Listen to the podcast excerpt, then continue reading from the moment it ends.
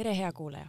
algab Pere ja Kodu podcast, minu nimi on Katariina Libe ja täna on mul külas Küllike Põlma, kes on imetamisnõustaja ja tegelikult ka midagi veel, aga selleni tuleme kohe tagasi. ja Küllike on täna külas sellepärast, et käib rinnaga toitmise nädal. tere, Küllike! tere, Katariina! no ma tuleks nüüd tagasi selle juurde, et mida sa veel teed peale selle, et sa oled imetamisnõustaja? ma olen ka kogemusnõustaja ning olen ka rinnaga toitmise edendamiskomitee liige et see on Sotsiaalministeeriumi juurde loodud selline ekspertkomisjon mm -hmm,. okei okay., aga ma nüüd küsiks, et mida see rinnaga toitmise nädal tähendab? see on ellu kutsutud äh, Alliance, World Alliance for Breastfeeding Action'i poolt ning äh, selle põhimissiooniks on tegelikult see, et äh, imetamine oleks kultuuriline norm ja imetamist äh, kui sellist osatähtsust tõstetakse maailmas ja selle nähtavust tõstetakse. et igal aastal on oma teema kahe tuhande kahekümne esimese aasta teemaks on kaitse imetamist. ehk siis jagatud vastutus, et kõik, kõikidel meil on oma vastutus sellel, et imetamist äh, oleks järjest rohkem mm. -hmm. aga miks on rinnaga toitmine üldse oluline, et äh, kõik ütlevad või kõik teavad, et see on väga oluline ja see on lapsele väga kasulik ja tervislik, aga oskad sina siis imetamisnõustajana pikemalt lahti seletada, et miks ta oluline on? Imetamist ja peagi ka toitumisnõustajana tunnen, et õigeaegselt nõustades on võimalik saada rohkem lapsi rinnale ning äh, imetamisnõustaja kaasamine lapse kõige varajasemas etapis on hästi oluline just selle õnnestumiseks. rinnapiima olulisust ei ole tegelikult võimalik üle hinnata, kuna piima koostis on arenenud välja evolutsiooni teel, ehk siis ta on liigispetsiifiline. võrreldes lehmapiimaga on inimese rinnapiimas rohkem süsivesikuid ja vähem valkusid ja see annab juba eelise nii-öelda siis rinnaga toitmiseks. Äh, kui vaadata ka valgulist struktuuri, siis äh, näiteks lehmapiimas rohkem domineerivaks kaseinid ja inimestel vadak ehk siis vadakugrupid. Äh, ja erinevus on ka selle poolest, et kui loomalapse esimese eluaasta nii-öelda põhiliseks rolliks on see, et ta kasvaks suureks ning et ta hakkaks kohe jooksma, et ellu jääda, siis äh, inimlapse puhul on hästi oluline just see, et äh, areneks aju ja närvisüsteem. Mm.. imetades last saavad kasu mõlemad pooled, ehk siis laps saab talle bioloogiliselt kõige sobivamat toitu, mis on ööpäevaringselt, lapse vanusest, aastaajast, tingitult siis kõige õigema koostisega. ning äh, teadustööd näitavad, et Äh, kasulikkus emale on ka näiteks äh, sellised, et kui elu jooksul on nimetatud kaksteist kuud, esineb vähem kõrgvererõhku, diabeeti, südame-veresoonkonna haigusi. ja kui on äh, imetatud kaks ja enam aastat, siis on vähem äh, erinevat siis just äh, insuliiniresistentset diabeedi esinemist. ja samamoodi ka on siin välja toodud äh, südame-veresoonkonna haigusi, ehk siis mida kauem sa imetad, seda rohkem see mõjutab ka sinu nii-öelda mm, tervist. muidugi see ei tähenda seda, et ma olen nimetanud last kaks aastat ja siis ma ei jää elu sees mitte nendesse nimetatud haigustesse mm. -hmm. lastele aga on välja toodud see, et äh, ta aitab siis äh, ennetada alumiste hingamisteede haigusi, seedetrakti haigusi, ülekaalu ja diabeeti et minu jaoks oli hästi oluline ja hästi huvitav fakt see, kui imetamisnõustaja õppes räägiti, et äh, ema rinnapiimas olev rasv toidab äh, lapse enda rasvarakku, aga võõrliigi äh, olev rasv toodab rakke, rasvarakke juurde. Ja siit võib tekkida ka see ülekaalu ja diabeedi risk aga millised seadusest tulenevad võimalused on töötaval emal seoses imetamisega, et ma usun, et neid emasid on väga palju, kes on lõpetanud imetamise sellepärast, et on pidanud tööle tagasi minema, aga kas tegelikult on siis äh, kuidagi võimalik jätkata? jaa, töötervishoiu ja tööohutuse seaduses on kohe selle kohta paragrahv, kus äh, annab äh, see paragrahv annab siis õiguse kuni pooleteistaastase lapse imetamist siis iga kolme tunni tagant et kui sul on kaheksatunnine tööpäev, siis sa saad teha siia kaks kolmekümne minutist pausi mm,. et tegelikult saaks siis oma tööandjalt seda küsida, jah? jah, ja iseenesest, kui vaadata nii-öelda seda, et see õigus on äh, kuni lapse pooleteist aasta saamiseni, siis tegelikult äh, õiguslooja on näinud seda, et äh, emad võiksid kauem lapsi imetada ja mitte sel põhjusel siis ära lõpetada imetamist mm. -hmm. aga kuidas kooliga on? Et äh, kindlasti minnakse ka ülikooli tagasi. ja, et ka äh, minul endal on üks selline kogemus, kus äh, ülikoolis õppides oli meil äh, ühel em emal siis nii-öelda kursusekaaslasel tita äh, toitmiseks tavaliselt kaasas mm,. kas ta siis, tal oli kogu aeg kaasas see või?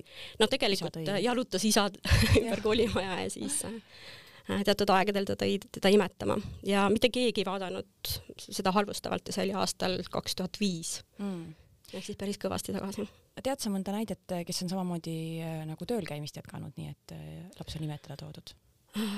kurb tõdeda, minu praktikas on need üksikud emad, kes jätkavad imetamist, küll aga minul on kogemust sellega, et äh, lapse lasteaia viies, viimisel ei ole nagu lõpetatud imetamist, ehk siis imetatakse lapse nagu aeda viimisel ja järgi tulemisel mm.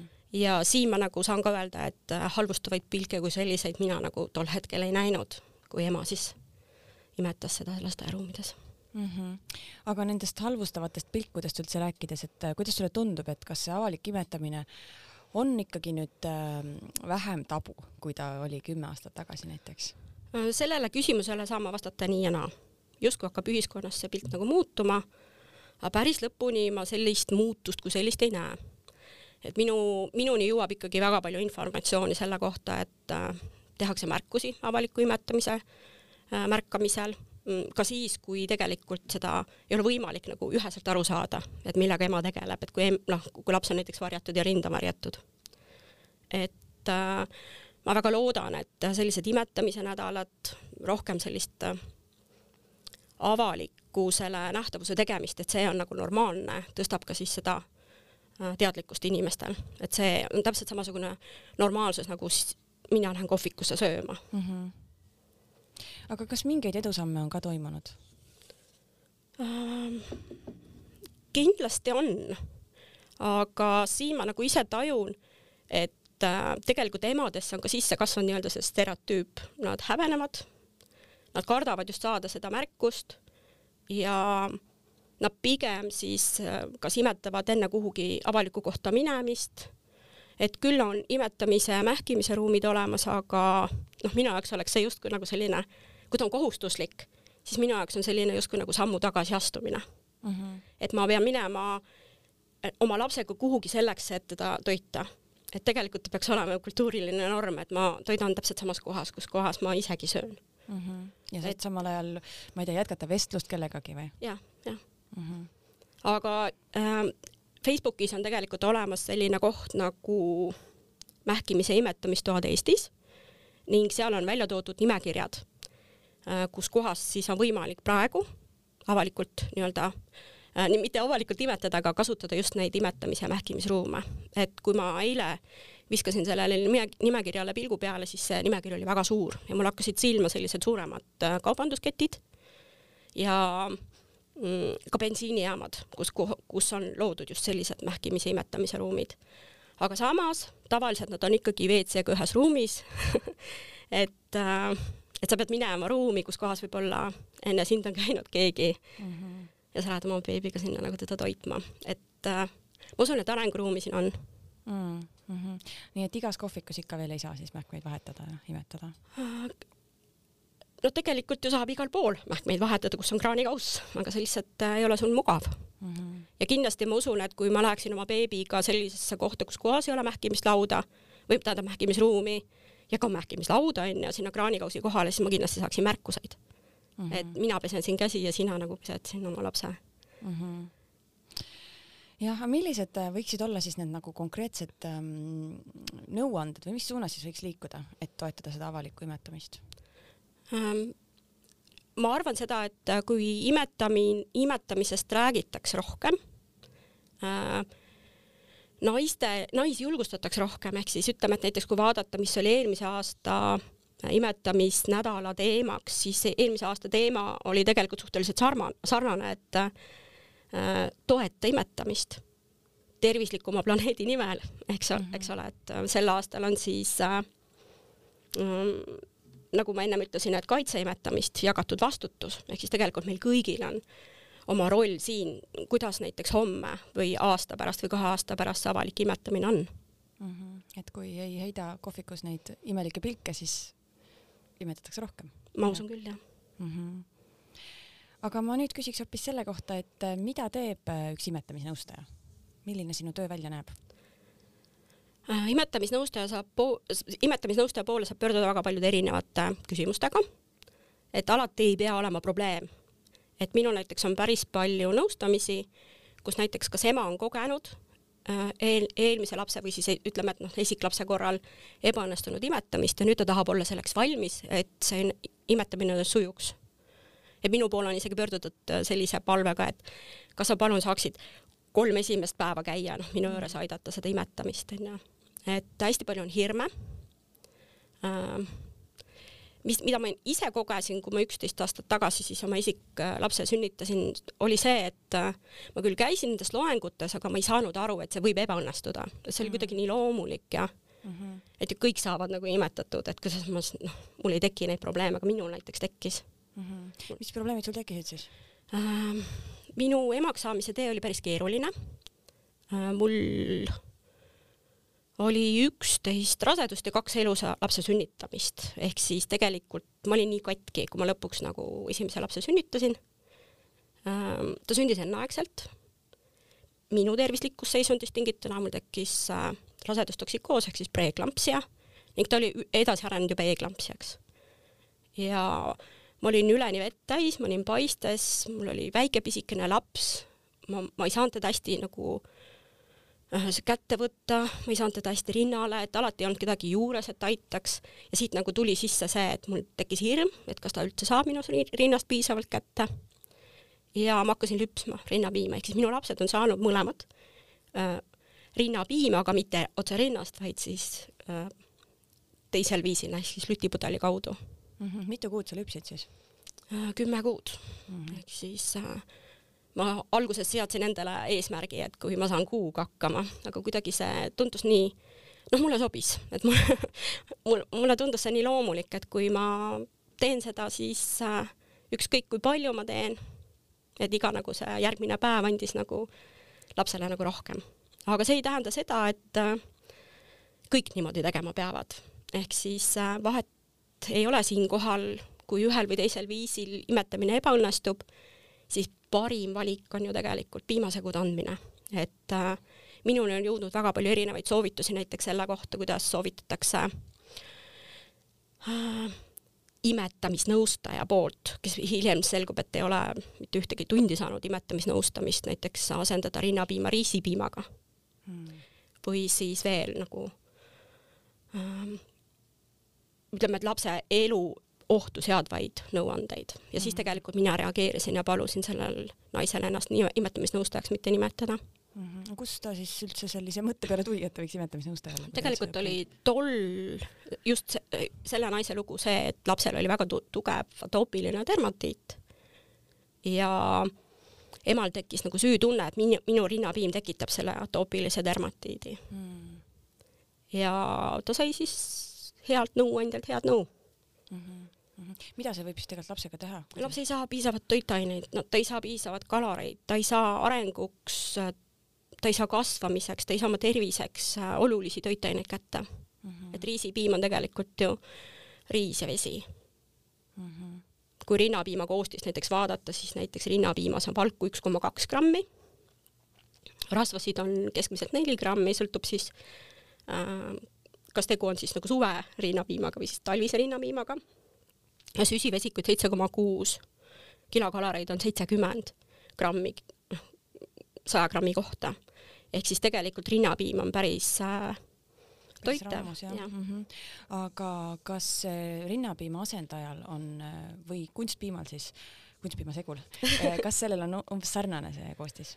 Äh, kindlasti ta on äh, võimalikult sarnaseks tehtud, et äh, ta on kindlasti väga oluliselt töödeldud, et ta ei ole otse see, mis tuleb nagu looma seest, aga kui võrrelda siis noh, näiteks ka seda süsivesikute kogust, siis süsivesikuid, nagu ma nimetasin, oli enim rinnapiimas seitse koma kuus grammi saja grammi kohta, siis näiteks lehmapiimas on neli koma kaheksa ja, ja et äh, süsivesikute osakaalu tõsta, siis tehakse seda kunstlikult mm. -hmm. aga see ei tähenda seda, et äh, piimasegud ei ole lapse arengut või tervist toetavad, lihtsalt see on valik sel hetkel mm, -hmm. et laps ellu jääks ühesõnaga siis imetamisnõustajad ei keela anda lastele piima. et kui keegi, keegi on teid keelanud anda mm, piimasegusid või on andnud hinnangut, et äh, ära anna piimasegu, siis kindlasti küsi mõnelt teiselt imetamisnõustajalt äh, teine arvamus või pöördu oma perearsti poole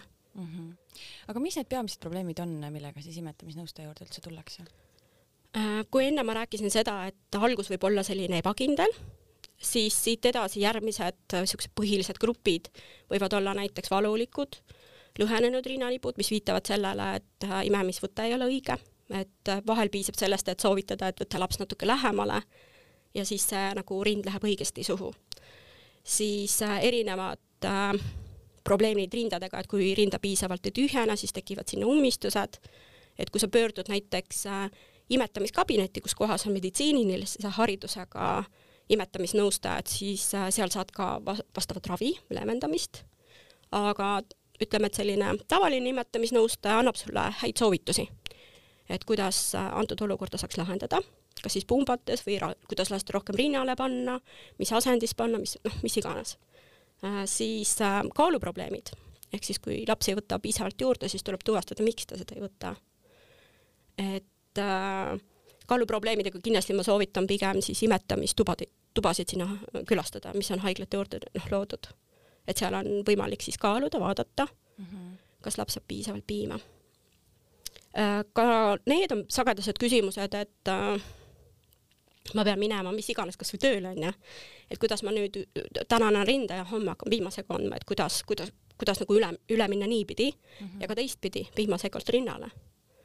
et kõik on, kõik on võimalik, aga kui ma vaatan tagasi iseenda nii-öelda nendele kogemustele, siis hästi tihti võib olla siin äh, äh taga peidus ka ema emotsionaalsed probleemid, et noh, minul diagnoositigi äh, tegelikult noh, esimese lapse puhul diagnoositi kümnendal lapse elukuul äh, sünnitusjärgne depressioon ja ma olen ka kogemusnõustajana just äh, selliste naiste nagu nõustajana viis-kuus aastat juba tegelenud. ehk siis äh, äh, kui sul ei õnnestu imetamine, siis see ei tee sinust äh, halba ema, et äh, ema ei hinnatagi tegelikult, et, et mina olen oma lapsele parim aga tihtilugu ma olen, minuni on jõudnud, et äh, ka imetamisnõustajad on andnud hinnanguid. et äh, ma loodan, et neid, need on, neid on üksikuid mm. -hmm sa mainisid sünnitusjärgset depressiooni, et kas sünnitusjärgne depressioon võib kuidagi mõjutada seda rinnapiima tootmist ka või mm,? Kindlasti, aga see ei ole nagu võrdlusmärgiga, et mul on sünnitusjärgne depressioon, järelikult mul on vähe piima ja teine asi, mida minu käest tihti küsitakse, on see, et mul on väike rind mm. -hmm. kas, kas mul on nagu vähe piima või, või äh, sellised klassikalised äh, küsimused tulevad kogu aeg nagu noh, nõustamistes välja, näiteks see, et äh, kui rinna kuju muutub, et kui mul ennem olid sellised suured pringid rinnad ja ma tundsin, et piim tuli rinda, et aga nüüd mul on sellised hoopis teistmoodi, et see on loomulik. et tegelikult meie rinna kui nad hakkavad korralikult piima tootma, siis nad muudavadki kuju. küll aga see ei tähenda, et kasvuspurdi aeg võib jälle tulla selline teistsuguse kujuga rind küsin veel sünnitusjärgse depressiooni kohta, et kas sa oled seda ka kohanud, et, et kui naisel imetamine ei õnnestu, et siis see võib põhjustada sünnitusjärgse depressiooni? ma arvan, et see on siia sisse kirjutatud ja, ja samamoodi, mida ma olen enda praktikas näinud, on see, et milline oli sünnitus mm. et mida raskem on sünnitus, jälle ma ei saa öelda, et sada protsenti alati, aga tihti kujuneb välja ka siin ühel või teisel viisil ka sünnitusjärgne depressioon. samas äh, ühe mm, äh, arsti jutust kõlas see, kõlas kunagi seda, et äh, naistel praktiliselt kõikidel on ühel või teisel viisil viited sellele, et äh, tal võib olla sünnitusjärgne depressioon. lihtsalt äh, mõned naised on tundlikumad ja nad võib olla äh, Mm, satuvad sinna just pigem sügavamasse faasi, et kindlasti mingite hormoonide muutused, elukorralduse muudatused, eriti siis, mida ma näen näiteks oma nõustamistes, et kui minu poole pöördub äh, selline hästi teadlik ema, noh, kohe väga teadlik ema, et kes teab, äh, et ma kuulan teda ise huviga, onju, siis äh, tal võib tekkida rohkem probleeme imetamisega, sellepärast et äh, ta ei võta nagu seda orgaaniliselt, onju. et kui mõne ema puhul on see noh, nii loomulik tegevus, siis tema nagu tahab anda seda maksimaalset, ta tahab olla perfektsionist ja siinkohal hästi tihti me noh, tegelemegi sellega, et et tuua see imetamine talle sellise orgaanilise tegevusena siia sisse. et siin võivad olla eelnevad hirmud, eba, noh, kas ebaõnnestumised, mingid äh, traumad, mingid kogemused, hästi tihti tekitavad neid ka meie lähedased. et äh, imet-, hea imetamisnõustaja tunneb tegelikult selle järgi ära, kui mm, ta ei anna sulle hinnanguid äh,, ta leiab alati sulle, su lapsele parimad variandid ning ta arvestab sinu et noh, et loomulikult iga lapse põhiõigus on saada, saada rinnast toidetud. aga siin on ka naise põhiõigused, ehk siis ma imetamise nõustajana tahaksin, et kõik naised imetaksid, onju. aga vahel, vahel ei ole see nii lihtne mm. -hmm.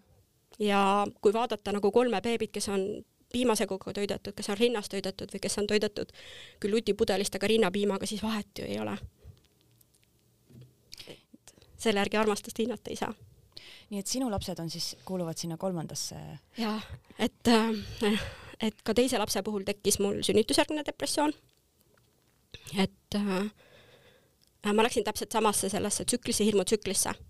et kui ma ei näe, kui palju ta sööb, siis järelikult ta ei saa piisavalt mm. -hmm. ja kuna ta sündis samuti enneaegsena minu tervislikust seisundist tingituna, siis äh, ma haiglas otsustasin, et mul on, mul on vähem stressi, kui ma, kui ma teen nii ja tegelikult see oli ka põhjuseks, miks ma täna olen kogemusnõustaja, miks ma olen täna imetamisnõustaja mm. -hmm. et aidata neid emasid, kes on täpselt samas kohas mm. -hmm. et sa tundsid, et sul on midagi siis pakkuda neile mm,? võib-olla alguses ma tegelikult ei mõelnudki seda, ma tahtsin iseendas selgust saada mm, -hmm. sellepärast et äh, ma ei ütleks, et see teekond oli kerge, ma sain väga palju hinnanguid. mul oli väga palju süütunnet ma olin ebaõnnestunud ema. ma arvasin, et noh, ma olen halb, ma ei ole oma laps, laste vääriline, onju. ja see, noh, oligi see sünnitusjärgne depressioon. aga ma tahtsin jõuda selgust, et noh, kes ma siis emana olen. ja ka praegu näiteks, kui ma kogemusnõustan neid emasid, kellel on täpselt samasugused probleemid, siis äh, siis äh, ma olen tänulik seda, et ma olen, ma olen nagu just täna siin ja ma olen nagu selle tee valinud, aga kui ma seda teed valisin, siis tegelikult ma lihtsalt tahtsin teada saada iseenda jaoks, et kas ma, kas ma teen endale liiga, kui ma ennast sellisena hindan. ja sa hindasid ennast sellepärast, et laps sai pudelist piima, et see tundus, et see on nagu kuidagi kehvem? et see oli vale, jah mm. -hmm. et ma tundsin, et ma pean alati ütlema, et tegelikult siin noh, pudeli sees on rinnapiim mm. -hmm no mis see teiste asi on, et kuidas mina oma last toidan, et äh, ma imetamisnõustajana samamoodi ütlen emadele, et et hästi tihti tullakse teie juurde andma nõu. on nõu, mis on väärt nõu.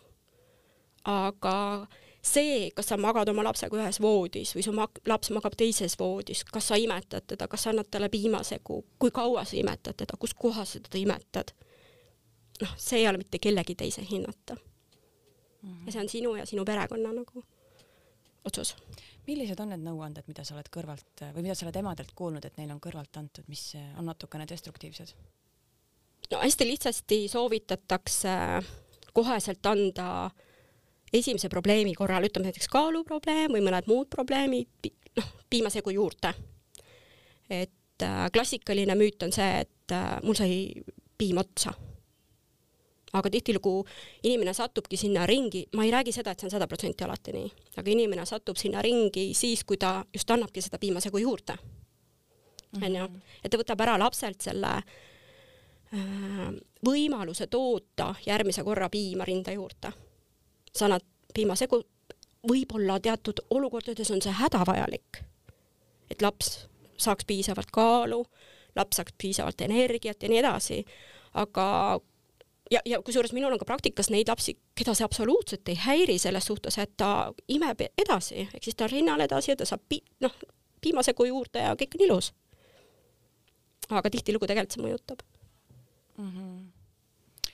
aga kui on siis ikkagi täitsa selline olukord, et äh, laps ei jaksa imeda, et ta on nagu nii nõrk, et siis võiks talle absoluutselt, loomulikult, et äh, tegelikult siin aasta tagasi oligi selline juhus, kus imetamisnõustaja ütles, et ära anna oma lapsele piimasegu, kuigi nagu arst, see oli arsti soovitus. et noh, mida need arstid teavad? et põhiline jutt ongi see, et arstid ei õpi ju imetamisnõustamist mm. -hmm. et äh, laps sattus eluohtlikku olukorda. siis imetamisnõustaja nõu pärast? ma ei saa päris nii öelda, seepärast mind kohal ei olnud, ma ei tea, mida see imetamisnõustaja andis ja kuidas naine seda vastu võttis mm. -hmm. et siin võivad olla ka kommunikatsioonihäired, aga selline juhtum oli arutusel küll kuidas see lugu lahenes lõpuks? laps sattus haiglasse mm. -hmm. ja seal siis ikkagi anti talle lõpuks süüa ja? ja, ja laps on ilusti rinnal, et see mm -hmm. oli selline lühiajaline, et kõik, tänaseks on kõik, kõik hästi. millised veel on sellised kehvemad nõuanded, mida sa oled kuulnud? no nagu ma ennem ütlesin, kasvõi see, et äh, anna talle riisipiima mm. -hmm. et siin on igasuguseid soovitusi olnud, et äh, minuni on jõudnud ka seda, et kolmekuuse lapse maks on niivõrd must, et tal tuleb teda noh, puhastada. kuidas mis iganes. et mul on soovitatud näiteks anna oma lapsele humalateed, sellepärast et ta magaks paremini hmm.. või siis noh, vot sellised soovitused on ju. et need soovitused on väga ohtlikud ja noh, kui minuni on see jõudnud, siis noh, minu, ma alati olen reageerinud sellele mm. -hmm. sa mainisid äh, seda, et äh, sa rääkisid sellest, kuidas sa jõudsid imetamisnõustajaks õppimiseni, aga kuidas üldse saab õppida imetamisnõustajaks? hetkel ei ole imetamisnõustaja kutsetega ka väljaõpet mitte kuidagi ära reguleeritud ning iseenesest võivad äh, ennast nimetada imetamisnõustajateks kõik, kes on saanud kas ühe tunni koolitust, on saanud mis iganes tunde koolitust. et äh, samas on ka koolitused erineva pikkusega, nagu ma nimetasin, ning äh, tasemed on ka väga erinevad et põhjalikumalt küll puudutakse imetamist ja imetamise nõustamist erinevates nendes kõrg, tervishoiu kõrgkoolides, mis on Tallinnas ja Tartus, kuid kõik ämmaemandad äh, ei ole endal võtnud seda rolli, et nad on ka imetamisnõustajad. et kui sa oled haiglas ja sa vajad imetamisnõustajat, siis küsi sellelt ämmaemandalt, et äh, kas tema ka imetamist nõustab mm. -hmm. et on väga palju ämmaemandasid, kes on läbinud ka imetamisnõustaja õppe eraldi. aga noh, kõik ei ole. siis äh, sellest aastast on võimalik äh, Rahvatervise Akadeemias läbida väga põhjaliku ja sise, äh, sisuka siis imetamisnõustaja õpe. et äh, minu arvates on ta maailmas vist ainulaadne õpe, mis tuleb Eestisse. kui kaua see kestab siis äh,? ta on võrdsustatud kahekümne kahe EAP-ga ehk siis ta on viissada seitsekümmend kaks tundi mm,. päris palju. ja sealt on nelikümmend tundi praktikat ehk siis praktikat kas siis haiglas, perearstikeskustes, noh, kuhu siis on võimalik minna. et just niisugust otsest imetamisnõustamispraktikat. ning äh, õpe on avatud kõigile, et siin ei eeldata meditsiinilist tausta ja ka selle õppe läbinud imetamisnõustajad võrdsustavad tegelikult selle taseme. Äh, sinna me ootame kõiki praegusid imetamisnõustajaid, kes on võib-olla läbinud mõne teise koolituse, äh, ämmaemandaid, perearste, pereõdesid, kõiki, kes tegelevad siis lastega. samuti ka ükskõik keda, keda see teema huvitab, kes tunneb, et tema missiooniks on see, et ta tahab aidata lapsi rinnale, et siin ei ole vaja meditsiinilist tausta. kui mujal maailmas on tegelikult enamus koolitusi meditsiinitaustaga inimestele, aga kuna see on niivõrd põhjalik õpe, siis äh, siin käsitletakse väga palju selliseid ka spetsiifilisi teemasid. ema anatoomia, kuidas see rinnapiim üldse tekib, äh, millised on laste haigused, kuidas toita puudega enneaegset last, kuidas toitada last raviaeg ja nii edasi, et siin on nagu hästi palju erinevaid äh, teemasid. ja tööd leiab ka see inimene, kellel ei ole meditsiinilist haridust, ehk siis noh, nagu ma eelnevalt ütlesin, et imetamisnõustaja ei pea olema, ta võib olla, aga ei pea olema meditsiinilise taustaga mm. -hmm. mis võimalusi veel on siis õppida? Sünni imetamise tugiühingul on ka väljaõpe. Äh, tal on tehtud see UNICEF-i treenerite baasil, ma võin natuke eksida, aga neljakümnetunnine. mina ise lõpetasin selle kahe tuhande viieteistkümnendal aastal. et ma usun, et enamus imetamisnõustajaid, kes Eestis on, äh, on noh, selle väljaõppe läbinud, küll aga Eestis on ka ämmaemandaid, kellel on noh, kõrgemaid sertifikaate saadud kuidas sinu kogemus näitab, et kas tavaliselt nimetamisnõustajad on lisaks sellele kuidagi ennast täiendanud veel? jaa, absoluutselt.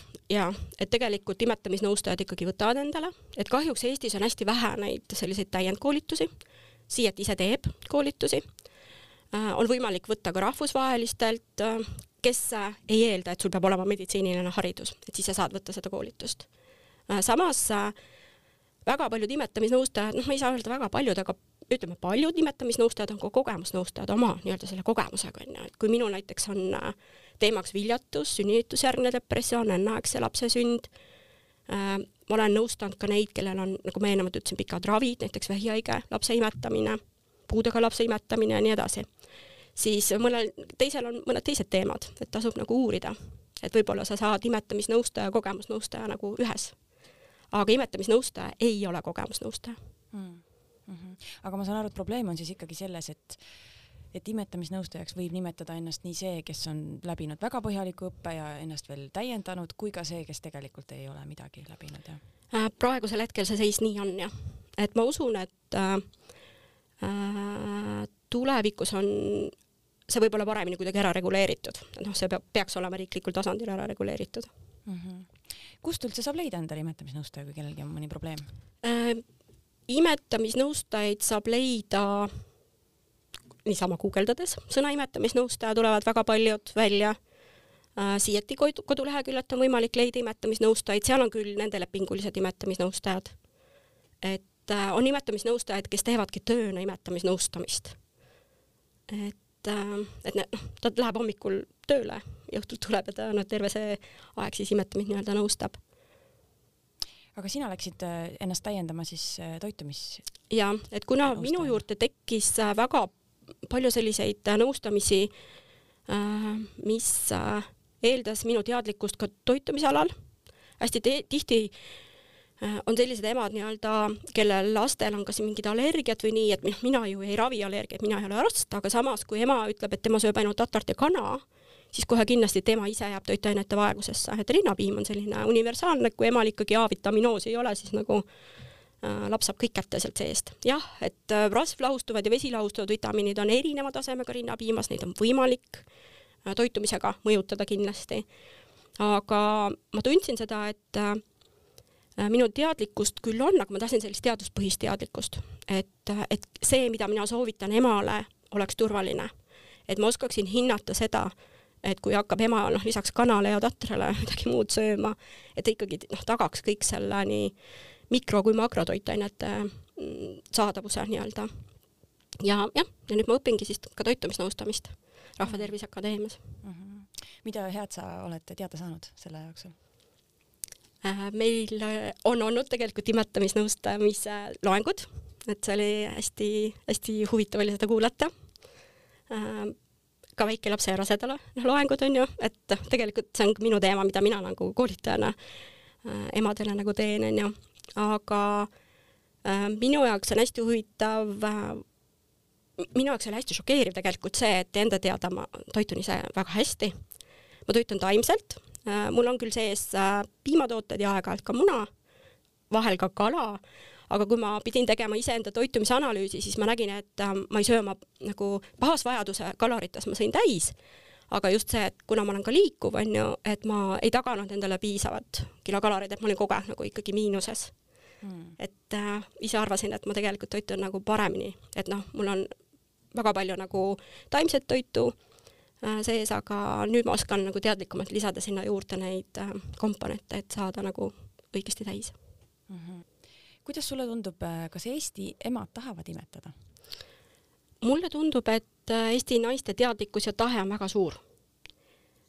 küll aga kas ja kuidas neil õnnestub, on noh, nagu me oleme siin eelnevalt rääkinud, iseasi samas, kui vaadata Tervise Arengu Instituudi statistikat, nad annavad iga aasta siis statistikat ka imetamise kohta, et seal on sellised kriteeriumid, et äh, esimese kuu lõpuks, kolmanda kuu lõpuks, kuuenda kuu lõpuks ja siis äh, vist oli veel nagu paar terminit seal, siis äh, see on murettekitav.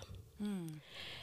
positiivne on see, et need emad, kes on otsustanud pikalt imetama, imetavad ajaliselt pikemalt. Et kui WHO soovitab esimesed kuus kuud exclusive breastfeeding ut ehk siis ainult rinnapiimast saab laps nagu kõik asjad kätte, ei ole vaja juurde teed, vett ega midagi muud anda, noh, ravimid ja ütleme siis D-vitamiin välja arvata, onju. siis äh, kuuendast elukuust eakohane toit, noh, see on harjutamise aeg. ning kui äh, vaadata neid protsente, siis kuuendaks kuuks äh, on tegelikult murettekitavalt vähe. et see imetamise mm, nähtavuse tegemine ja see avalik aktsepteering on siin hästi oluline. ja noh, nagu ma ennem ütlesin, ma näen seda, et tegelikult äh, riik kui selline toetab pikaaegset imetamist, kui ta on võimaldanud poolteist aastat emadel ka seda imeta-, noh, imetamist äh, töö juures jätkata mm.. Aga jah, et äh, äh, siin on väga palju erinevaid probleeme, millega ka rinnaga toitumise edendamise Eesti Komitee tegeleb äh,. ja ma usun, et äh, viie aasta pärast me saame juba rääkida, et need protsendid tõusevad, seepärast praegu on ta aastast kaks tuhat kolmteist languses mis see tähendab siis, mis see protsent praegu on siis? Äh, kui ma nüüd, noh, ma ei ole neid pabereid praegu kaasa võtnud, aga kui ma nüüd ei eksi, siis oli kakskümmend kolm protsenti need, kes saavad. kakskümmend kolm ainult? Rinnastoidu. siis kuuenda kuu lõpuks? see on ikka väga väike protsent, jah? jah aga samas ütleme, et äh, noh, ma räägin, et kes, kes, kes selle nii-öelda daatumi üle elab, onju, mhm. siis äh, nad toidavad pikemalt mm. -hmm. mis võiks olla need nõuanded, et kuidas ikkagi see protsent võiks kasvada? ma arvan seda, et äh, noh, esimene soovitus ongi see, et aktsepteerige seda imetamist.